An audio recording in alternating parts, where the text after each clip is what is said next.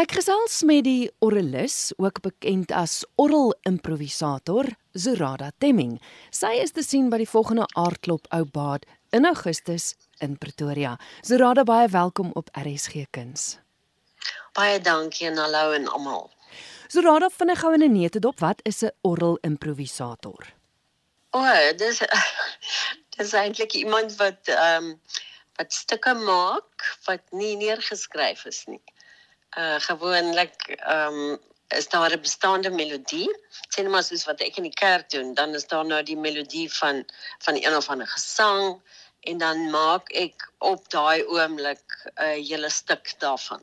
Wat nou ehm um, Ja, eintlik wat wat meestal maar variasies is, maar wat ook uh, baie keer ongewone uh wendinge neem, maar die die melodie is die basis. Jy het in 2006 vir die eerste keer 'n stomfilm gevat en jy het musiek geïmproviseer daarvoor tydens die Klein Karoo Nasionale Kunstefees waarvoor jy ook 'n toekenning gekry het. Stomfilms, dit kom uit 'n spesifieke era uit vir ons wat nou bietjie jonger is, 'n stomfilm het musiek gehad, is ek reg? Daar daar's net nie gepraat nie of wat wat is 'n stomfilm? Die stomfilm era was redelik lank, maar die uh bloei tydperk daarvan so ek dink was so van 1915 tot 1930 omtrent. Ja, die die karakters het nie gepraat nie. Maar daar was mense wat soos ek dit doen wat musiek geïmproviseer het terwyl die gehoor dan na die film gekyk het. Of daar was in baie gevalle 'n hele 'n lys musiek opgestel deur iemand wat nou um deel van die produksiespan van die film was wat 'n lys stukke gegee het wat die pianis of orgelis of selfs ensemble dan moes uitvoer in uh, terwyl die film gewys word. So dit was nie heeltemal vry nie. Ehm um, ek kan onthou toe ek baie klein was, het my ouma op Grafrenet byvoorbeeld ehm um, gespeel vir films wat hulle daar gewys het en sy het bestaande stukke gespeel. So sy het nie 'n lys gekry saam met die film van watter stukke sy moes speel nie. Sy het maar jy weet Chopin walse en sulke goed gespeel saam met dit. Ehm um, maar hoe ek dit doen is 'n bietjie anders. Hoe doen jy dit?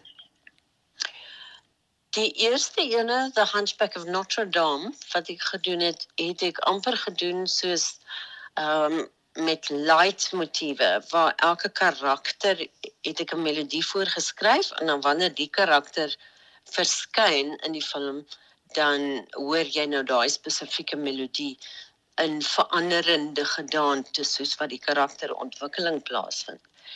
Met Phantom doen ek dit anders omdat die Phantom in die um, in die film oral speel maar hy woon in die kelders onder die Paryse operahuis het ek gedink om opera musiek daarvoor te gebruik. So in die film sien 'n mens uh opera sangers op die verhoog en dan speel ek presies daai aria wat op daai oomblik gespeel word in die film. Uh speel ek dan op die orgel en toe het ek gedink wel miskien kan ek opera musiek 'n basis maak en toe het ek verskillende uh 19de eeuse baie bekende opera arias um, gebruik ja, wat dan 'n soort van intertekstualiteit maak. So ek het 'n aria gekies waarvan die woorde in die oorspronklike opera sou pas by die situasie waar ek dan kies om die aria in die film te gebruik. Dis ook The Phantom of the Opera waarna gehoor kan kyk by Aardklop Ou Baad. So die film waarna hulle kyk is die een uit 1925, die stomfilm. Dis waarna hulle kyk, né?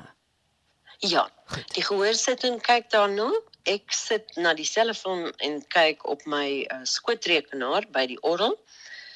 En dan soos wat hulle nou kyk na die film, speel ek dan nou musiek wat volgens my daarbey pas. Mm, mm. So dis iets want kyk ons as gehoor het 'n het 'n het 'n persepsie. Phantom of the Opera is 'n musiekspel. Ons het ook dit as 'n film al gesien. So daar is bekende musiek wat deur die twee mediums aan aan ons as gehore bekend gestel is.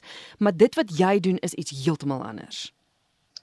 Ja, as mense nou na die die Phantom wil kom kyk om daai bekende Phantom tema te hoor, dan dan gaan hulle nou of teleurgesteld wees of verras wees.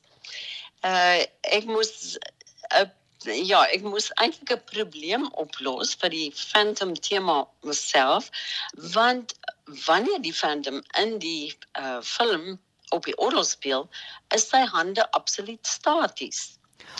En so, hoe maak jy nou 'n 'n onheilspellende dreigende tema met hande wat staties is wel? Jy laat jou voete maar hardloop. So ja, dit is heeltemal oorspronklike musiek. Daai is nou nie 'n opera aria nie.